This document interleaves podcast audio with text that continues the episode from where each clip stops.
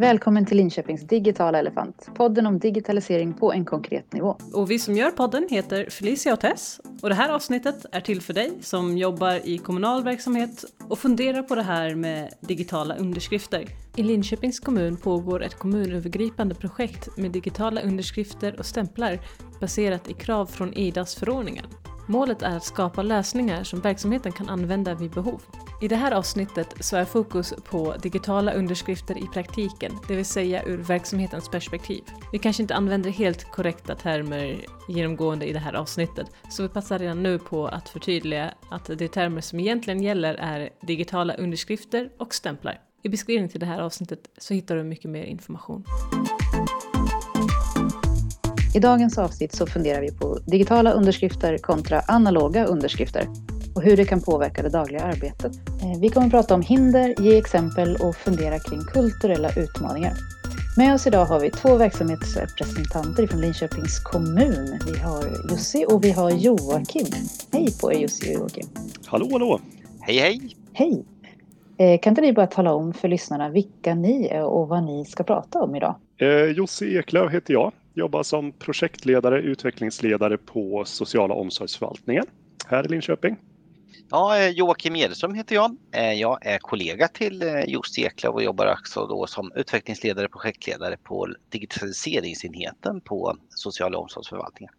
Vi ska prata mer om digitala underskrifter idag. Kan inte ni bara lite berätta om vad ni har gjort med digitala underskrifter och varför vi ska prata om det idag? Ja, men absolut. Nej, men till att börja med så känns det ju som att det här med digitala underskrifter är någonting som diskuteras mycket i kommun-Sverige just nu och eh, jag tror att de flesta är rörande överens om att det är på gång och blir mer och mer av den varan eller hur vi ska uttrycka det. För mig som kommer med myndighetsbakgrund och har jobbat inom socialtjänst ett antal år så finns det ju en tradition av att skriva under papper och dokument och att man gärna gör det analogt. Och den här ska vi säga, traditionen känns väldigt djupt rotad.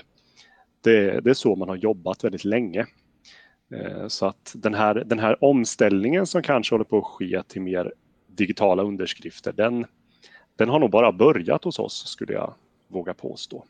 Just jag tänker där, menar du att man skriver på saker även fast det kanske juridiskt sett inte behövs? För att man har alltid gjort så och det ska godkännas? Eller hur funkar det? Ja, jag tror det. Jag tror att man kanske inte alltid ifrågasätter eller ifrågasätter kanske fel ord, men att man, att man problematiserar och, och diskuterar det sätt man, man gör saker och ting på. Och eh, just juridiken har ju, eller är ju, ska vi säga, klargörande när det gäller just myndighetsbeslut till exempel och så där. Så det är ju tydligt reglerat i, i förvaltningslagen att beslut måste ju, man måste kunna se vem det är som har fattat ett beslut och man måste kunna så att säga läsa vad beslutet innehåller och vem eller vilka som har varit föredragande och sådana saker. Så att juridiskt har ju det här länge varit väldigt tydligt. Men med det sagt, vad, vad betyder det? Och betyder det att en, en socialsekreterare måste skriva under ett beslut med, med papper och penna eller är det okej okay att ett verksamhetssystem eh, automatiskt genererar ett beslutsmeddelande där det står namnet på den socialsekreteraren som har fattat beslutet och när beslutet har fattats och, och den typen av saker. Och på något sätt för att komma fram till det så tror jag att då måste man, man måste börja med att ifrågasätta lite grann vad, vad är det egentligen vi, vi håller på med. Jag, jag tror även om jag får lägga till det så, så tror jag även att, att det är så att, att osäkerheten är så stor på alla nivåer hos oss kommuner eh, generellt sett. Så därför så blir det lite svårare än vad det egentligen är. För precis som Jussi säger så är juridiken ganska tydlig. Men vi har en, en eh, avsaknad av eh, rutiner och regler och hur vi ska förhålla oss till det tror jag. Ehm, så där, jag tror det handlar ganska mycket om, om eh, både den biten men även en kulturell bit. Att, att som Jussi säger här att vi, vi, är vana vid att analogt skriva under nästan varje dokument. Så att eh, det behövs tydliga eh, regler att kunna förhålla sig till för medarbetarna, tänker jag. Där tänker jag, där har vi en diskussion mellan analoga, vanliga, traditionella penna mot papper påskrifter och sen har vi rört oss mot digitala signaturer, man godkänner ett system. Vi tar nästa steg då, automatiska signaturer som du pratar om just om att ett system tar ett beslut och så vidare. Då är det ju ingen människa inblandad i det hela. Vad säger lagen om det? Eh, är det möjligt eller var, vad finns det för, för tankar och möjligheter kring det? Nej, men när det gäller just eh, det som man förr kallar för myndighetsutövning så är det lite skillnad mellan vad, vad statliga myndigheter får göra och vad, vad kommunala eh, myndigheter får göra. Så att eh, i, i förvaltningslagen så tillåts automatiserade beslut då till exempel. Eh, så att när man ansöker om vab via Försäkringskassan så är det helt okej okay att det sitter en, en eh, automatisk teknisk lösning i andra änden som, som fattar beslutet och eh, du får eh, pengarna utbetalda och du får ett beslut i, i Kivra eller vad det nu kan vara. Eh, medans eh, i kommunal verksamhet så, eller i kommunallagen då, så tillåts inte fullt automatiserade beslut. Även om det pågår ett, ett arbete där och, eh, eh och det finns en, eh, ett förslag till regeringen om att helt enkelt ändra lagstiftningen. Så att det ser, det ser lite eh, olika ut där, men det är precis som du säger, i en helt ska vi säga, automatiserad process så krävs ju inga underskrifter av någon människa på det sättet. Där funderar jag på, säg att man är en verksamhet som, eh, som sitter och skriver på väldigt mycket papper för hand, penna mot, eh, mot papper. Och så vill man gå över till det här med digitala underskrifter. Vilka steg ska man ta i det? Vi pratar tekniska lösningar, automatisering, olika typer av lagar. Var, var börjar man nysta någonstans för att veta, kan jag göra det här i så fall, hur?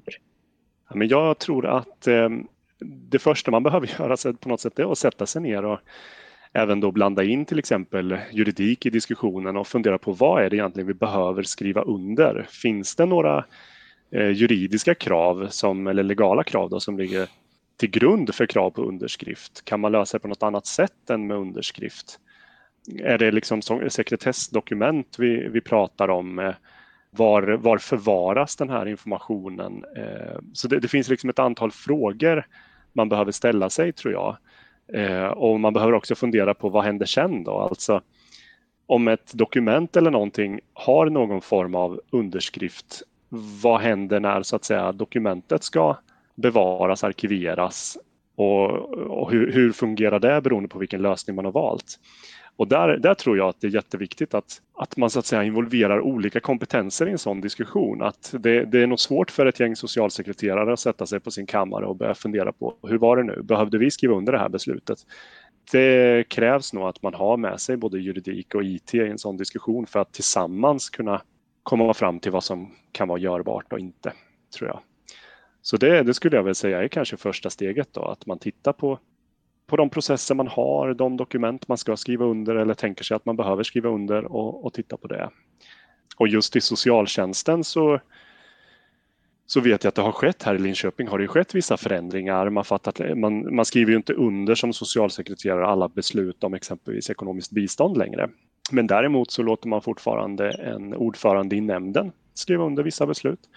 Eh, varför då? Alltså då kan man sätta sig ner som sagt diskutera det här. Är det någon skillnad beroende på vad det är man ska skriva under? När kanske? Finns det krav på att det ska gå väldigt snabbt? Alltså det finns väldigt mycket som jag tror man kan diskutera i sådana lägen. Då.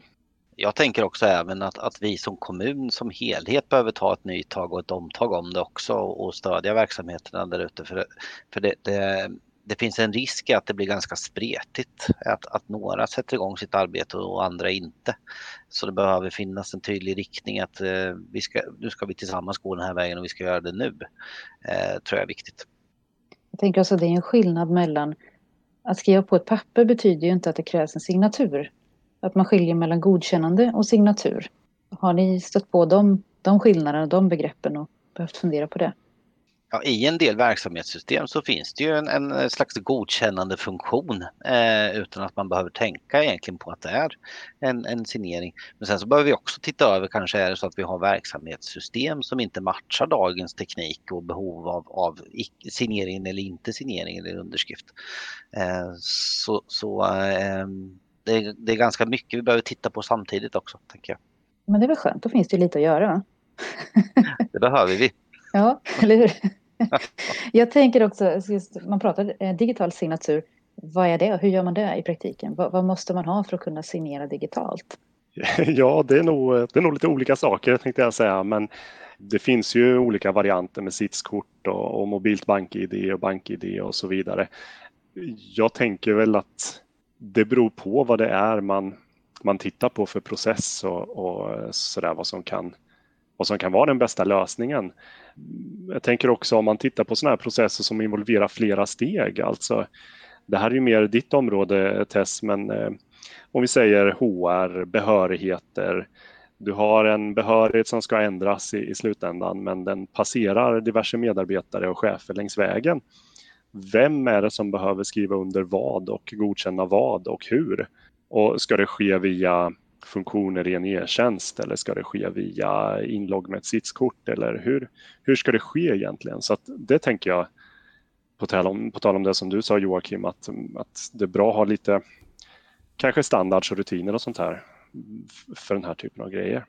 Ja, men, men så är det och, och jag, jag, tänker också på att, att man behöver samarbeta eh, mer med både andra myndigheter och kommuner. Så för att idag så har vi en avsaknad av, av en gemensam standard vilket ställer till det jättemycket i våra kontakter mellan myndigheter men framförallt kanske för medborgaren att det blir väldigt rörigt på vilket sätt jag ska eh, komma i kontakt och signera och så vidare. Så att, eh, det är både en intern resa för en kommun men även en nationell resa för, för oss som land. Medborgarna har ju oftast eh, BankID bank-id och signerar med. Det finns ju massa olika sådana lösningar, eh, Freja och, och, allt vad det är.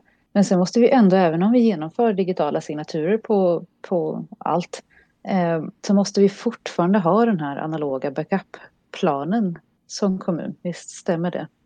Absolut, vi behöver ju alltid säkerställa att, att vi kan ha möjlighet så att säga och, och genomföra. Det finns ju medborgare som inte har BankID idag och allting så vi måste säkerställa att alla har, har samma möjligheter eh, såklart. Så är det ju. Och där tänker jag, där finns ju ett jättebra exempel här i Linköping när vi införde en e-tjänst för till exempel det här med ansökan om, om eh, ekonomiskt bistånd som ju då kräver inloggning med mobilt BankID och som, eller kan vara flera inloggningssätt i och för sig då, men, men eh, med BankID eh, primärt då. Och då eh, får man ju så att säga en, en handläggning baserat på att det blir en digital process som sannolikt kanske går snabbare än om det hade varit på ett annat sätt. Men, men det får så att säga inte heller vara så, utan vi har ju hela tiden det här, vi behöver väga in för och nackdelar, lika behandling, eh, respektera individens rätt och, och möjlighet till självbestämmande och sådana här saker. Så att det finns ju mycket att ta hänsyn till, så är det absolut. Om vi tittar lite på praktiska exempel tänker jag. Du, du pratar just, just om, om HR och så vidare. Vi, om vi tittar på anställningsbeviset till exempel så har man ju ändå kvar signaturer hos många kommuner trots att det absolut inte juridiskt sett behövs en signatur. Eh, och då finns det ju ändå anledning att ha kvar en signatur trots att man i den process som vi pratade om först, när man tittar på finns det behov eller inte, så finns det inget behov. Men istället för att ta bort den så har man låtit den vara kvar. Den är också, har ni stött på något liknande där? Att ni har haft möjlighet att ta bort den men av någon anledning så bör den vara kvar? En godkännande signatur eller någonting sånt? Nej, inte så direkt men eh, jag tror det har lite att göra med alltså, det vi börjar med det här att det finns en tradition av att göra saker och ting på det sätt man alltid har gjort eller hur man nu uttrycker det och att det i sin tur hänger ihop med, vad ska vi säga om vi tar myndigheter som exempel då, att det är ju väldigt byråkratiskt av en anledning för att det ska vara tryggt och säkert och fungera så som man tänker sig. Och det är klart, ska man börja rucka då i någon eh, i något tillvägagångssätt och, och skruva på något arbetssätt. Så här har vi inte gjort tidigare, men vet ni vad, vi måste kanske inte skriva under de här intygen eller vad det nu handlar om. Eh, rent juridiskt så betyder inte det att det är samma sak som att vi ska sluta göra det för att det, det är lite läskigt. Ehm, och samma sak det här att, att eh, sätta sin kråka på ett, eh, ett biståndsbeslut exempelvis på socialtjänsten. När det framgår tydligt både vad som eh, gäller oavsett om man vill skicka in en besvärshänvisning, överklaga beslut och så vidare. Man ser vem som har fattat beslutet, när det är fattat och enligt, vilken, enligt vilket lagrum och så vidare. Men ändå så tror man kanske att ja, men det är nog bra att ha den där signaturen. Och, och det där att förändra det tankesättet, det tar nog lite tid och kräver lite mod kanske. Ja, det är som du säger just att det handlar ju mycket om kulturella eh, förändringar som man behöver jobba med. Och, Eh, Eh, jag tänker också på att, att så som jag jobbar med digitaliseringen tidigare så har vi ju på något vis bara förflyttat arbetssättet in i det digitala. Vi har inte digitaliserat arbetssättet och det är det som är nyckeln. Och då tänker jag att för att kunna göra en sån förflyttning så behöver man ju ha någonting att kunna förhålla sig till såklart. Så därför så tror jag återigen att det är centralt att vi bestämmer oss i våran kommun för att vi behöver genomföra det här och jobba på det här sättet eh, samtidigt. Så att säga. Det, tror jag är viktigt för att driva processen framåt. Har ni några andra praktiska exempel där ni har behövt hantera det här med digitala signaturer? Vad har ni liksom kikat på och kollat på och funderat på? Eh, jag har ju ett konkret verksamhetsexempel som är, är eh, lite intressant utifrån det jag sa förut, det här med, med att vi saknar gemensam standard. Eh, och då har jag ett exempel inom personlig assistans då, där vi som kommun inte kan signera eh, enligt Försäkringskassans sätt att signera en tidsredovisning till exempel. Så att eh, vi som kommun använder papper till medarbetaren som skickas med, med eh, ordinarie post fram och tillbaka för att komma in till Försäkringskassan. Ehm, så det, där handlar det verkligen om en gemensam standardfråga, att inte vi har samma verktyg och kan möta det. Ehm, och det kan ju till och med innebära att tiden eh, med posten tar alldeles för lång tid så att vi missar ersättning. Eh, nu har vi pratat om eh, både det ena och det andra. Vi har pratat om eh, eh, kulturella eh, funderingar. Vi har pratat om teknik och måste eller inte måste konvertera till digital signatur eller signatur alls. Eh, är det någonting mer som ni tänker på som ett konkret exempel eller som ni skulle vilja lyfta i den här diskussionen? Ja, jag tänker på ett, ett, ganska konkret exempel som skulle kunna betyda väldigt mycket för många och då kanske man vänder på perspektivet att, att eh, eh verkligen jobba med digital signering istället för att eh, försöka minimera den digitala signeringen eller behoven av den. Och då, och då tänker jag på en, en sån nytto eh, grej som, som digital signering när eh, verksamheterna ger medicin. Eh, att kunna göra det digitalt istället för att eh, hålla på med papper som, som tjorvar med att det är slut på papper i skrivaren och så vidare. Att vi kan använda på ett mycket säkrare sätt dessutom eh, med digital signering. Det tror jag skulle vara ett jättelyft för våra verksamheter inom omsorg faktiskt. Och där handlar det verkligen om att förändra arbetssättet då också. Och hur funkar det idag då? Då sitter ett papper någonstans där, där alla skriver på bara sin lilla kråka och sen tänker vi att man ska använda iPad istället. Eller hur, hur tänker vi i praktiken? Då? Jag, jag, jag tänker att man använder någon slags mobil enhet som man bär med sig såklart. Eh, som då är inloggad i. Så då säkerställer vi hela vägen att det är den individen som har givit läkemedlet också för den är in, inloggad och så vidare. Eh, även fast det är så idag att, att det är någorlunda säkerställt i pappersform också, eh, absolut. Men, men, eh, jag tror att säkerheten höjs ju, eh, men framförallt så höjs ju själva arbetsmiljön för, för eh, medarbetarna där ute att, att jobba på det sättet, absolut. Och det tror jag kan vara ett bra sätt att, att eh, locka andra medarbetare eh, till att börja jobba inom vård och omsorg. För vi behöver jobba med digitalisering i stort, eh, hela det området.